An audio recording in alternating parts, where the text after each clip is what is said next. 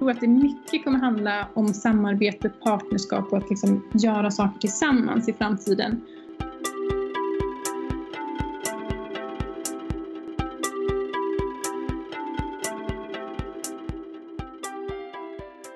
Hej, varmt välkomna till Energipodden Framtidskraft. Jag heter Karin Bodén och eh, finns på Jämtkraft. Och jag heter Daniel Löfstedt. Idag så ska vi ju prata om el. Ja, vi ska ju det för ovanlighetens skull. Eh, vi har lämnat en vinter som ju har varit eh, bitvis rekordkall. Och aldrig har väl den här frågan om elen räcker till eller inte varit mer aktuell. Nej, det får man nog säga eftersom energisystemet ställer ju om och frågan är klarar vi det när reaktorer stängs och vi får in mer förnybar energi. Mm. Och samtidigt så ökar ju behovet av el när vi ska göra den här omställningen till ett hållbart samhälle. Alla vill ha el, industrin vill ha mera el. LKAB har vi hört om, vi har hört om Hybrid, batterifabrik, serverhallar.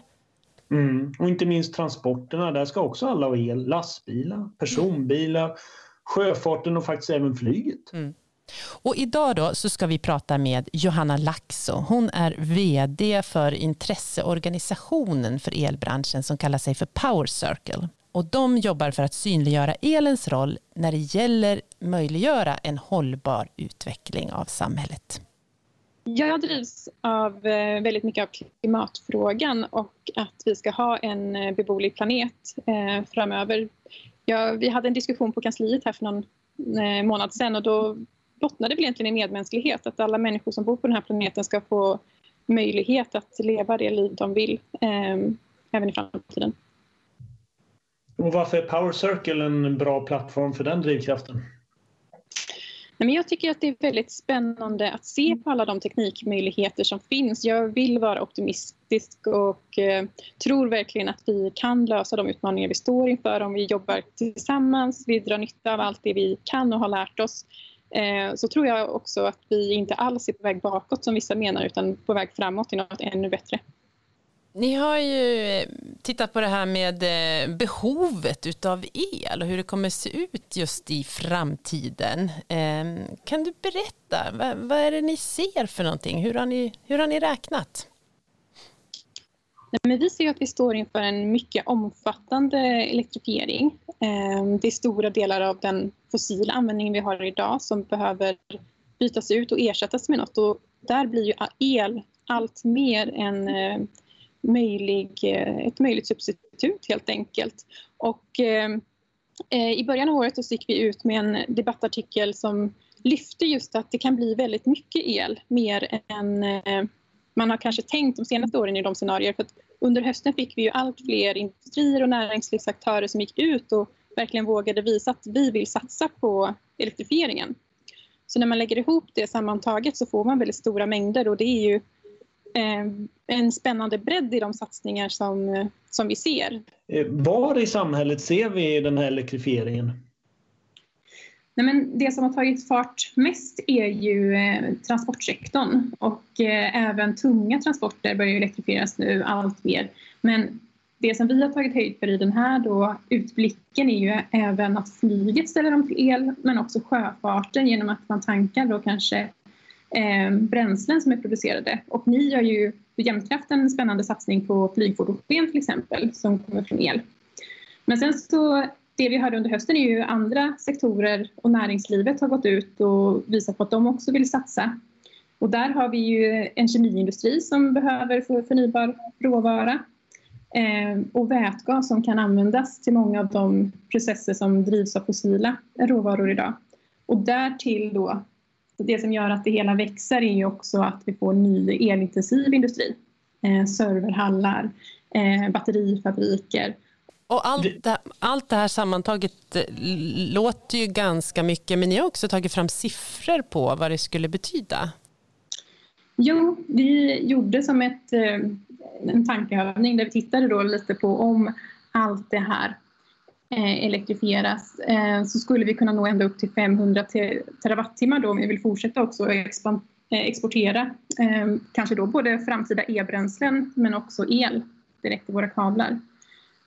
Så idag har vi ju en elanvändning omkring 130-150 terawattimmar så det skulle ju vara en markant ökning av elanvändningen och någonting som vi då behöver planera för i samhället om vi vill klara av och mm. möjliggöra det och inte bromsa de innovativa mm. idéer som näringsliv och forskning håller på med just nu. Mm. Är samhället oförberett på den här elektrifieringen? Man får nästan känslan av det när ni som är insatta beskriver läget. Till viss del tycker jag faktiskt att vi är oförberedda. Um, en del av det kan ju såklart vara naturlig för bara 5-10 år sedan pratade vi inte alls om elektrifiering på den här nivån. Och när man tittar då på elnätets planeringscykler, det tar 5 15 år att bygga elnät, man planerar för 40 års horisont. Eh, då är det ju rimligt att vi kanske inte har det elnät idag som vi kommer behöva för den här elektrifieringen. Men det är viktigt nu då att vi, vi, vi, tittar på tillståndsprocesserna och ser till att vi får elnät på plats som kommer behövas för att möjliggöra, för det blir ju en möjlig flaskhals i den här elektrifieringen.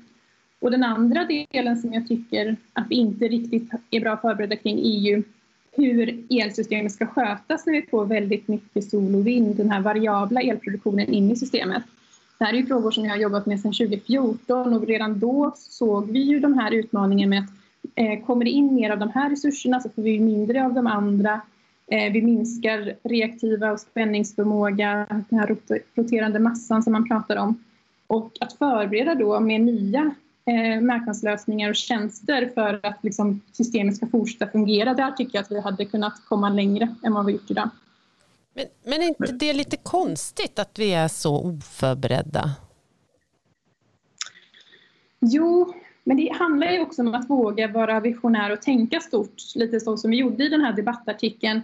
För det lättaste är ju att säga att det fortsätter som det är nu och att man liksom i sina huvudscenarier planerar utifrån en framtid som är ganska lik den man har idag. Och när vi då gör ett sånt här stort språng, lite disruptivt, då är det ju lätt att det, var, det kanske fanns med i periferin men det var inte det man riktigt planerade för.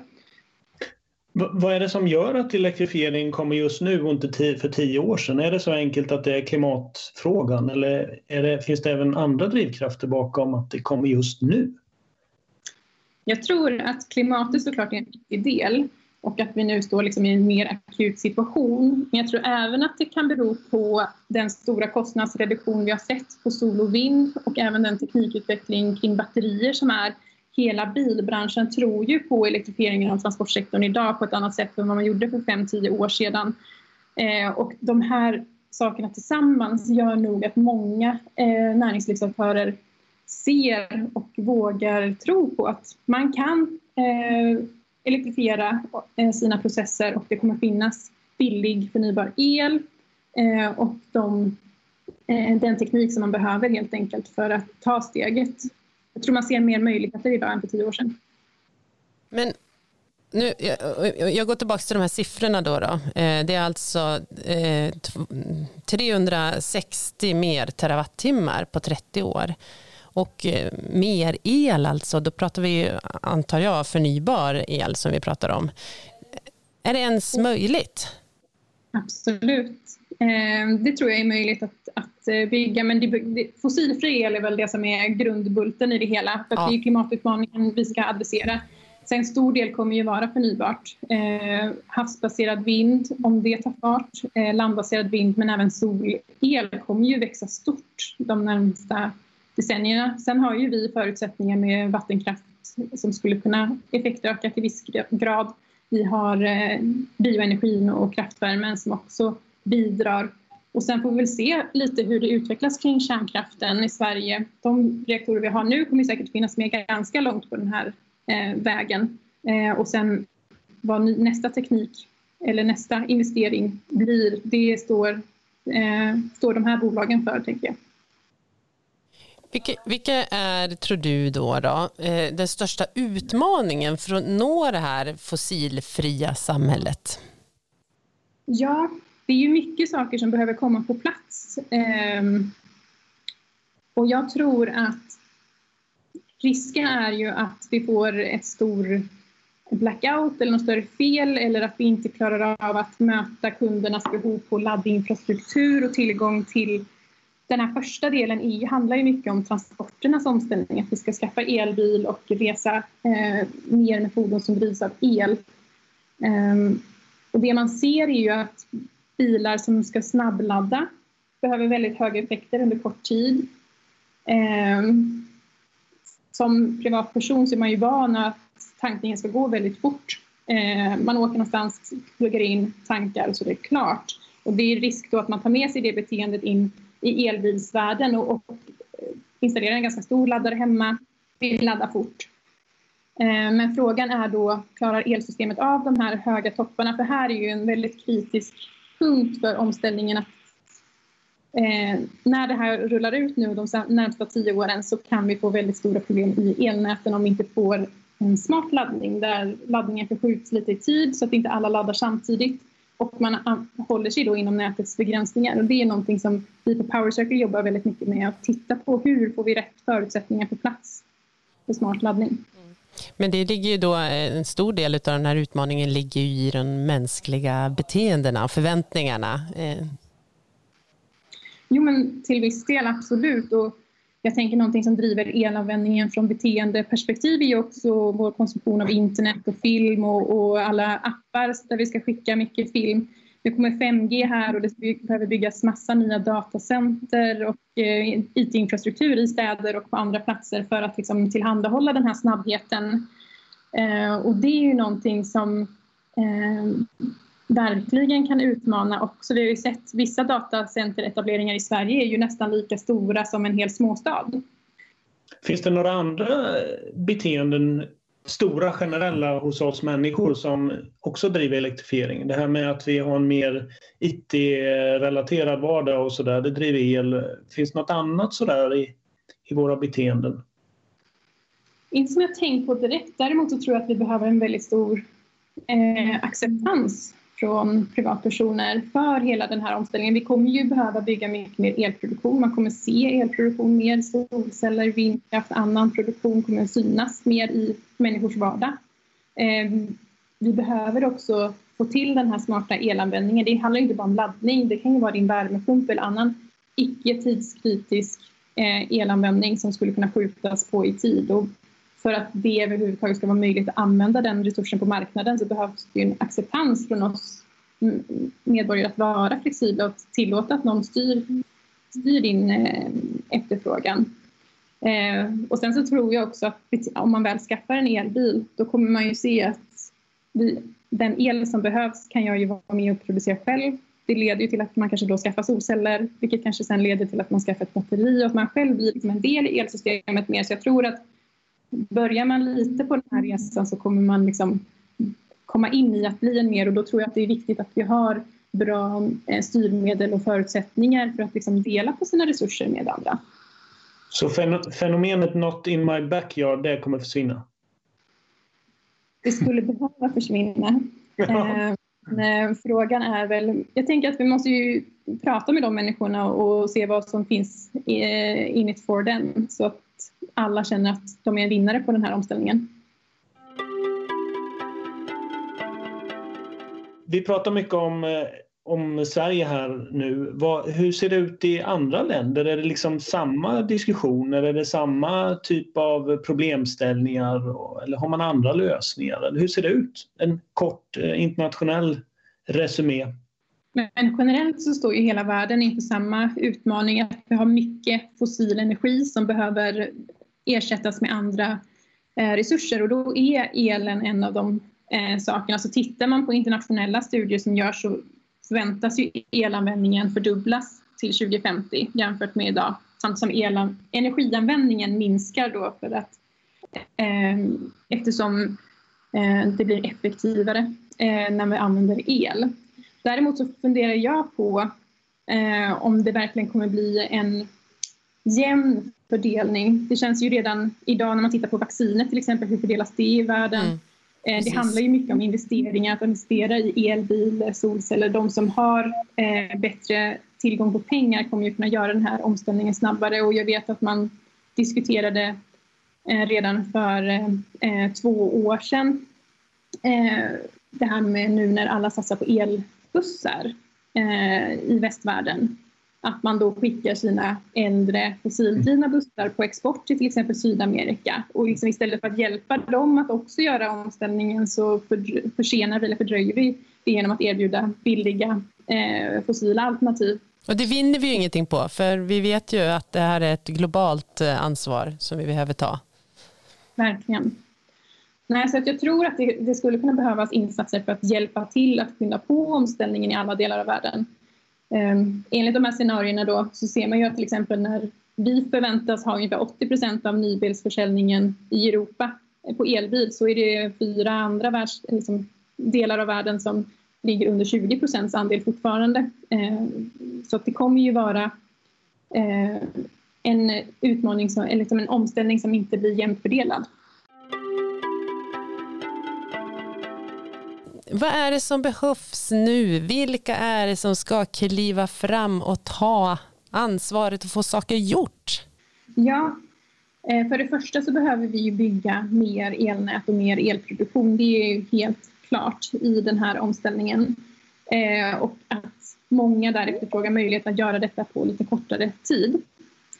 Eh, men det som vi ser också som en viktig del är ju att elanvändningen blir lite smartare. Att så som vi har jobbat hittills så har ju produktionen helt anpassat sig då efter hur mycket el vi vill använda. Men i och med den digitalisering som vi ser kommer så öppnas ju helt nya möjligheter.